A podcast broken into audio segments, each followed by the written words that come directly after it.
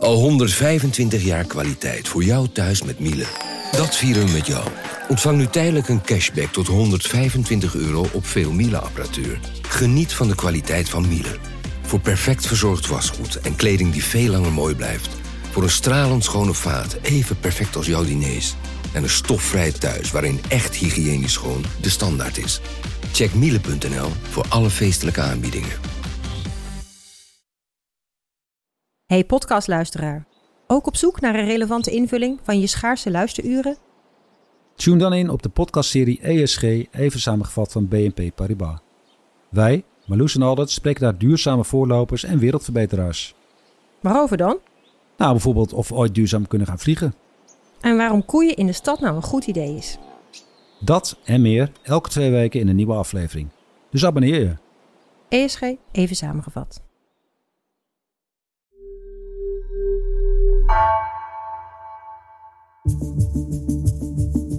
Vanaf de redactie van NRC het verhaal van vandaag. Mijn naam is Floor Boon.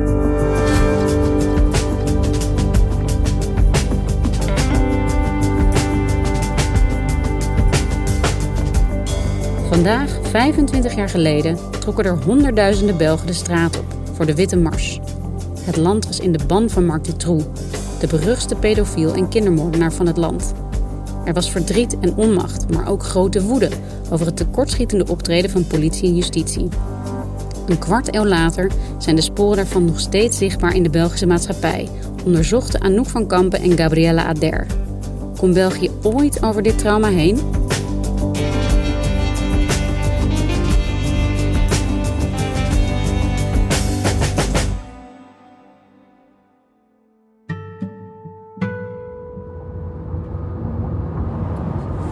Route de Philippe Ville.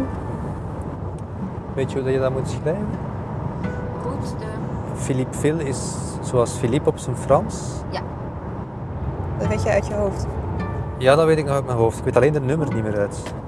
Ik de, 124 of 128, maar dat maakt niet uit, dat staan toch vlak naast elkaar. Ik zie het ook nog voor me. Je kan het van op de ring eigenlijk zien zo. Het ligt naast de brug van de ringweg.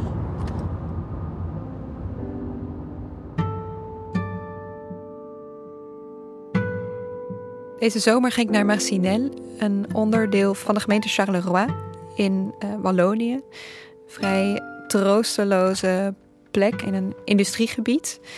En ik ging daar naar de Avenue de Philippeville, een straat die eigenlijk tussen het spoor en de snelweg in zit. En waar het huis van Marc Dutroux staat. Ik was daar met Gabrielle Ader, met wie ik een podcast maakte over de zaak Dutroux, de schaduw van Dutroux. En ik was er met justitiejournalist Mark Eekhout van de Standaard, die uh, de zaak uh, destijds al volgde. Die beelden zijn toen, weet je nog? Die beelden zijn toen vandaar gemaakt. Ja, ja, ja. Want ik zie dat inderdaad precies zo voor me. Ja, dus die beelden van, van de bevrijding, dat is hier. Hè. Dutroux is de beruchtste kindermoordenaar en kinderverkrachter van België. En die hield daar in de jaren negentig uh, zes meisjes gevangen in zijn kelder. Die hij uh, verkrachtte en uh, waarvan een deel het ook niet overleefde. Een soort gedenkplaatsje. En mémoire de tous les enfants victimes de pédophilie. Dus dat is in gedachtenis aan alle kinderen die slachtoffer zijn geworden van pedofilie. Dat is een gedenkplaats van 30 maart 97. 25 jaar na die zaak ziet het huis er eigenlijk nog steeds vrij troosteloos uit. Het is nog altijd onbewoond. Het is helemaal dichtgetimmerd en daaroverheen is een hoopvol bedoelde tekening van een jongetje met een vlieger geschilderd. Maar van onder is dat dan helemaal volgekalkt met graffiti. En de hele straat biedt eigenlijk een vrij troosteloze aanblik. Ik heb daar gesproken met een aantal mensen die daar in de buurt wonen. Um, in tegenstelling tot wat de straat uitstraalt, is iedereen heel toegankelijk en willen ze heel graag met je praten. Ook al hebben ze in de loop der jaren al heel veel journalisten en toeristen voorbij zien komen voor dit huis. Beaucoup de gens, beaucoup de journalistes, il y a beaucoup de filles, de gens. Il faut toujours une vidéo et tout. Ouais. Ouais. Een deel van die mensen woonde er destijds al. Een deel uh, niet. Maar ze zijn zich allemaal heel bewust uh, van dat ene huis in de straat. Wat eigenlijk nog steeds een soort ja, spookhuis in de straat is. Het is een plek waar je heel duidelijk nog altijd de, de tekenen van de zaak Dutroux blijft zien. Ook al is er 25 jaar voorbij gegaan. Marc Dutroux, die naam alleen al roept echt vreselijke beelden op. Ook bij mij, al was ik een tiener in die tijd. Hoe zat het ook alweer? Wat heeft Marc Dutroux ook alweer precies gedaan? In de zomer van 1995 verdwenen Julie en Melissa, twee meisjes van zeven jaar oud, in Wallonië. Zij gingen zwaaien op een brug naar auto's en onderweg daarheen verdwenen ze. En Marc Dutroux heeft ze ontvoerd. Hij heeft ze opgesloten in een zelfgebouwde kelder in zijn huis uh, en ze daar verkracht. En zij zijn uiteindelijk uh, doodgegaan van de honger waarschijnlijk. Anne en Eefje, 17 en 19 jaar oud, werden een paar maanden later ontvoerd. Ook die belanden in de kelder van Dutroux en werden verkracht en uiteindelijk levend begraven. En in 1996 heeft hij ook Sabine en Letitia, twee andere meisjes, ontvoerd. Sabine, die was 12 jaar oud en Letitia 14 jaar oud. En die hebben het uiteindelijk uh, wel overleefd. Zij zijn uh, bevrijd in de zomer van 1996 uit de kelder van Dutroux. De camera van de Vlaamse televisiemaatschappij filmt de bevrijding van Letitia Delhes en Sabine Dardenne. Hoofdverdachte Marc Dutroux bracht de politie zelf naar de plek waar de meisjes in de kelder vastzaten. Letitia heeft zes dagen vastgezeten. Sabine wel tien weken. Dit gebeurde 25 jaar geleden. Wat ging er allemaal mis in die tijd? Was een lange lijst en eigenlijk het meeste daarvan kwam naar buiten in de nasleep in de maanden nadat Dutroux uiteindelijk werd opgepakt. Je moet je voorstellen, de eerste meisjes die werden in de zomer van 95 al ontvoerd. En pas ruim een jaar later werd Dutroux opgepakt en um, werden die meisjes uiteindelijk gevonden. Nou, dat riep al veel vragen op bij mensen. Hoe het had gekund dat hij zo lang uh, kon rondlopen. En uh, een ander onderdeel daarvan was ook dat Dutroux al veel langer bekend was bij justitie. Hij is uh, een paar jaar voordat uh, deze meisjes ontvoerd werden, is hij al veroordeeld geweest voor verkrachting uh, van minderjarige meisjes. Zijn vrouw, Michelle Martin, die was toen ook al medeplichtig. Na drie jaar zijn ze alweer vrijgelaten door de minister van Justitie. Die heeft na drie jaar gezegd dat ze mochten vertrekken. Toen had Dutroux nog uh, geen derde van zijn straf uitgezeten. Uh, dat is behoorlijk snel. is hij daarna meteen weer doorgegaan eigenlijk met ja, zijn criminele activiteiten? Ja, dat is het kwalijke eigenlijk. Wat, wat dus ook daarna naar buiten kwam. Hij is meteen doorgegaan met zijn activiteiten. Hij is meer meisjes gaan verkrachten. Um, en hij is ook meteen begonnen aan het bouwen van een kelder in zijn huis in Marcinelle. Waar hij dus later die meisjes in heeft opgesloten. Jeetje Anouk, wat een puinhoop. Hoe heeft dit kunnen gebeuren? Ja, dat is een moeilijke vraag. Want het is aan de ene kant, er zijn slechte mensen op de wereld. Er zijn pedofielen en moordenaars. Tegelijkertijd eh, kwam in de periode na zijn arrestatie zoveel naar buiten... waar toch wel echt een, een Belgisch element zat. Een van de belangrijkste dingen waren problemen bij de politie en bij justitie... die er eigenlijk al langer waren. Er waren meerdere politiediensten in België die eigenlijk niet zo goed met elkaar communiceerden. Er werd zelfs gesproken van een politieoorlog. En dat zorgde ervoor dat bepaalde informatie tussen die diensten niet goed gedeeld werd, ook in het onderzoek naar Dutroux. Dus zijn naam werd bijvoorbeeld al in de zomer van 1995 genoemd in het onderzoek. Maar vervolgens is daar ja, eigenlijk niet genoeg mee gebeurd. En pas een jaar later wordt hij dan effectief opgepakt. Dan had je bij justitie had je ook nog allerlei problemen. En die waren grotendeels te wijten eigenlijk aan dat er um, niet één federaal parket was. Dutroux die had dat heel goed gezien. Die heeft ook al die meisjes op verschillende plekken meegenomen. En dat zorgde er bijvoorbeeld ook voor dat hij heel lang onder de radar kon blijven. Zoals jij dat schetst, Anouk, uh, ja, is er eigenlijk een structureel probleem met politie en justitiediensten die niet goed samenwerken. En had België eigenlijk gewoon zijn zaken niet goed op orde. Ik vind dat lastig, want kijk, aan de ene kant is het heel makkelijk om achteraf te zeggen: jullie hadden al deze lijntjes uh, uh, moeten leggen en moeten zien hoe het allemaal in elkaar zat. Want wij zien nu wie de dader is. En zo makkelijk is het natuurlijk niet altijd. Maar je kan zeker wel zeggen: ja, die politieoorlog die was er, die parketten die werkten niet. En er waren wel meer problemen in de jaren 80 en 90 in België die er ook op wijzen dat bij politie en justitie een hoop niet uh, volgens plan liep. Extra pijnlijk was eigenlijk twee jaar nadat die hele zaak al, al heel België in rep en roer had gebracht, dat Dutroux ontsnapt is. Marc Dutroux slaat weer toe. België geschokt en verbijsterd. Hoe is dit mogelijk? Vanaf drie uur vanmiddag is dit ongetwijfeld de meest gehoorde uitroep bij onze zuiderburen. Marc Dutroux die een bewaker een duw geeft en de benen neemt. Hey, en Anouk, ik herinner me zelfs die beelden. En in Nederland uh, riep de zaak Dutroux al behoorlijk heftige emoties op. Wat heeft deze zaak met België gedaan? Heel veel, denk ik. Ik denk echt dat het België ja, echt, echt veranderd heeft. In Nederland was al redelijke paniek daarna ontstaan. Want ineens is het blijkbaar mogelijk dat je meisjes zo op klaarlichte dag meeneemt en opsluit in je kelder. In België was die paniek gewoon nog veel groter. Dus alleen al voor de manier waarop mensen hun kinderen hebben opgevoed, is, is daar echt uh, daar op dat moment totaal de andere kant op gegaan. Ik denk dat mensen voorafgaand aan de zaak Dutroux zich eigenlijk niet zo bewust waren van gevaren die er mogelijk konden zijn. In één keer werden ze daar echt met een klap mee geconfronteerd. En uh, met name tienermeisjes hebben daar in die tijd, maar ik denk eigenlijk nog steeds heel veel uh, gevolgen van ondervonden. Omdat ze ineens niet meer alleen naar school mochten fietsen, um, niet meer uit mochten gaan. Omdat hun ouders totaal in paniek waren van, ja, je weet maar nooit.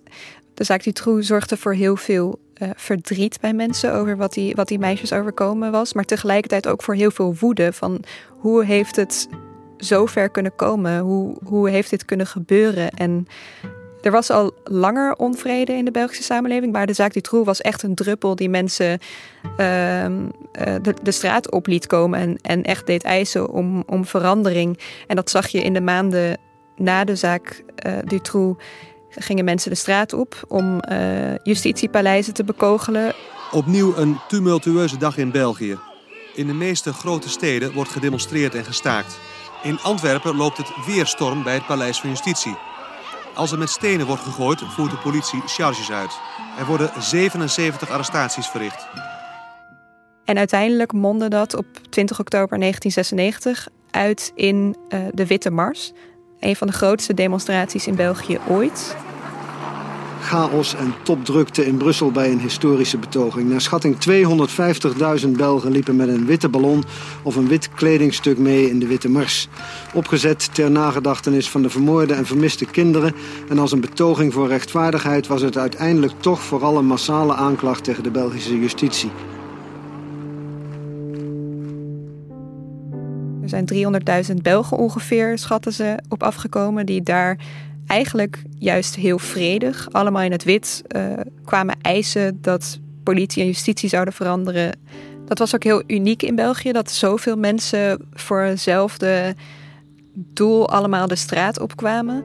Um, het was vooral ook heel speciaal dat het allemaal in het wit was. Dat was ook expres gedaan, zodat het allemaal geen, geen politieke kleur had ik kan me heel goed voorstellen dat er zoveel onmacht en, en grote emoties waren naar aanleiding van die zaak Dutroux. Maar je zegt ook net, er was nog veel meer onvrede. Wat was dat allemaal precies? België is sowieso natuurlijk een vrij verdeeld land. Um, je hebt de Vlamingen aan de ene kant, de Walen, de Franstaligen aan de andere kant. Er zijn uh, zes regeringen, uh, drie talen worden gesproken, want de Duitsstaligen worden ook nog eens uh, vaak vergeten. En het wordt vaak gezien als een soort failed state, waarin van alles wat er, wat er misgaat, wordt geweten aan hoe het, hoe het land in elkaar zit. In de jaren 80 en 90 kwam daar eigenlijk een hele reeks gebeurtenissen kwam daarbij. Waaronder de bende van Nijvel. Dat was een, een groep die in de jaren 80 een hele reeks aanslagen pleegde. Ja, eigenlijk waren het overvallen, maar daarbij schoten ze uh, in totaal 28 mensen dood. Daar is nooit iemand voor gevonden. Dus dat deed al het idee opkomen dat daar wel iets, iets mis moest lopen bij politie en justitie. Dat ze misschien mensen de hand boven het hoofd hielden. Dan had je ook nog eens uh, de moord op een politicus, André Kools, in 1991. Die werd waarschijnlijk besteld door een andere politicus. En in de nasleep ook nog van zijn moord kwam er hele reeks corruptieschandalen bij de politiek aan het licht. Dus uiteindelijk, er, er was al heel wat ontevredenheid bij mensen voordat Dutroux überhaupt aan het licht kwam. En, en zo moet je dat die, die woede op de Witte Mars ook wel zien. Een lange aanloop die er naartoe ging, waarin mensen niet alleen politie en justitie en die fouten veroordeelden, maar ook zich afvroegen van wat gebeurt hier allemaal in dit land. Deze week is het precies 25 jaar geleden dat die Witte Mars plaatsvond. Die grote historische mars in België, waar daar ongetwijfeld ook veel aandacht aan zal worden besteed. Jij woont al een aantal jaar in België. Wat zie jij daarvan terug? Welke sporen heeft die zaak Dutroux nou eigenlijk nagelaten in het land? Ik denk uiteindelijk dat de grootste sporen die de zaak Dutroux heeft nagelaten zijn niet zozeer op de opvoeding van kinderen of op uh, politie en justitie, hoe groot die invloed ook is. Wat, wat mij het meest fascineert, en dat is minder tastbaar, zijn de sporen die het heeft nagelaten ja, op het imago van België eigenlijk. Ik ben dit ook uitgebreider gaan onderzoeken in een uh, vijfdelige podcast die ik over dit onderwerp gemaakt heb met Gabrielle Ader, De schaduw van Dutroux. En het meest fascinerende vond ik ook echt dat dat zelfbeeld van België en wat deze zaak daarmee heeft gedaan en, en hoe dat vandaag nog is. En hoe verre is dat ook een soort verstoord zelfbeeld. Natuurlijk zijn er heel veel dingen misgegaan in België met deze zaak. Maar de vraag is natuurlijk, kan je dat ook wijten aan een soort Belgisch zijn? Nog steeds is er een beeld in binnen- en buitenland van België alsof daar alleen maar constant dingen misgaan omdat het België is. En je kunt je afvragen of dat nou zo terecht is iets waarin je merkt dat die zaak nog steeds zijn invloed heeft, is iets heel kleins. De, ik uh, zocht eens op in de namendatabank of de naam Mark eigenlijk nog veel voorkomt. En je ziet echt heel duidelijk dat er vanaf 96 een, een daling direct is ingezet en dat het nooit meer hersteld is sindsdien. Dus nog steeds is de naam Mark niet populair in België en zeker niet in Wallonië hey, en wat is er eigenlijk gebeurd nadien met justitie en het politieapparaat? Is dat opgeschoond? Is daar verbeteringen gekomen? Ja, er zijn behoorlijk wat hervormingen doorgevoerd. Uh, dat heeft even geduurd, namelijk totdat uh, Dutroux ontsnapte. Dus uh, twee jaar later dachten ze, ah, we moeten toch even vaart gaan zetten aan de verbetering van politie en justitie. En daar is wel echt een hoop verbeterd. Die politiediensten die allemaal in oorlog waren met elkaar, die zijn helemaal hervormd. Er bestaat ook nu een federaal parket. Maar zoals dat denk ik vaak gaat met uh, politie- en justitieapparaten, het is ook heel moeilijk om die te hervormen. Dus er zijn ook zeker zaken die er niet door zijn gekomen. Het meest pijnlijke voorbeeld daarvan is denk ik uh, de moord op Julie van Espen, een jonge student een paar jaar geleden in België. Een man liep haar tegen het lijf, probeerde haar te verkrachten. En, en toen zij tegenstribbelde, is zij vermoord. En achteraf bleek dat diezelfde man al veroordeeld was voor verkrachting. Maar uh, nog vervelender, dat hij uh, eigenlijk op dat moment vast had moeten zitten, omdat er een zaak tegen hem liep voor een verkrachting. Maar omdat de gevangenis vol zat, mocht hij zijn uh, proces buiten de gevangenis afwachten. En dat haalde eigenlijk al die pijnlijke uh, zaken in België weer boven. Dus dat laat ook wel zien dat de zaken in elk geval niet op alle vlakken nu bij politie en justitie in België op orde zijn. En Anouk, we hebben het nu over al die dingen waarin de zaak Dutroux nog zo zichtbaar is. De littekens, als je het zo wil noemen, in België. Het zelfbeeld dat het ja, eigenlijk bevestigde voor het land. Maar het is 25 jaar geleden je kunt ook zeggen: is het niet tijd om te helen van wat er toen is gebeurd? Zie jij daar iets van terug ook? Ja, ik denk dat het wel mooi is dat je het woord litteken gebruikt. Want ik denk dat het dat in zekere zin is en zal blijven. Het is niet meer zo'n zo'n etterende wond zoals in 1996 en, en wat je voelde bij die Witte Mars. Maar het is ook niet weg. En het is een litteken wat denk ik ook nog niet, niet helemaal geheeld is. En dat zie je ook heel duidelijk aan die straat in Marcinel waar we waren. Dat huis, ze weten nog steeds niet echt wat ze, daar, wat ze daarmee aan moeten. Dat is nog steeds niet bewoond. En dan hebben ze onlangs bepaald dat ze er een soort herdenkingstuin van gaan maken. Maar het laat wel zien hoe moeilijk het nog steeds is om, om dit soort dingen een plek te geven. Dankjewel, Anouk. Jij bedankt.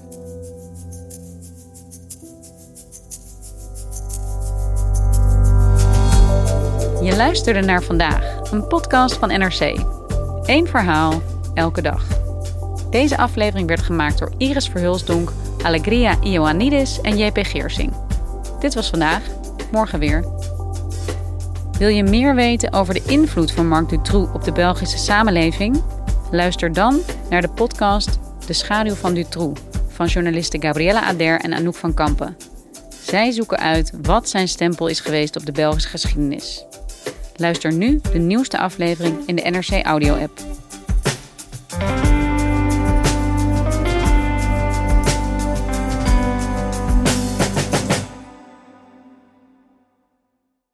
Technologie lijkt tegenwoordig het antwoord op iedere uitdaging.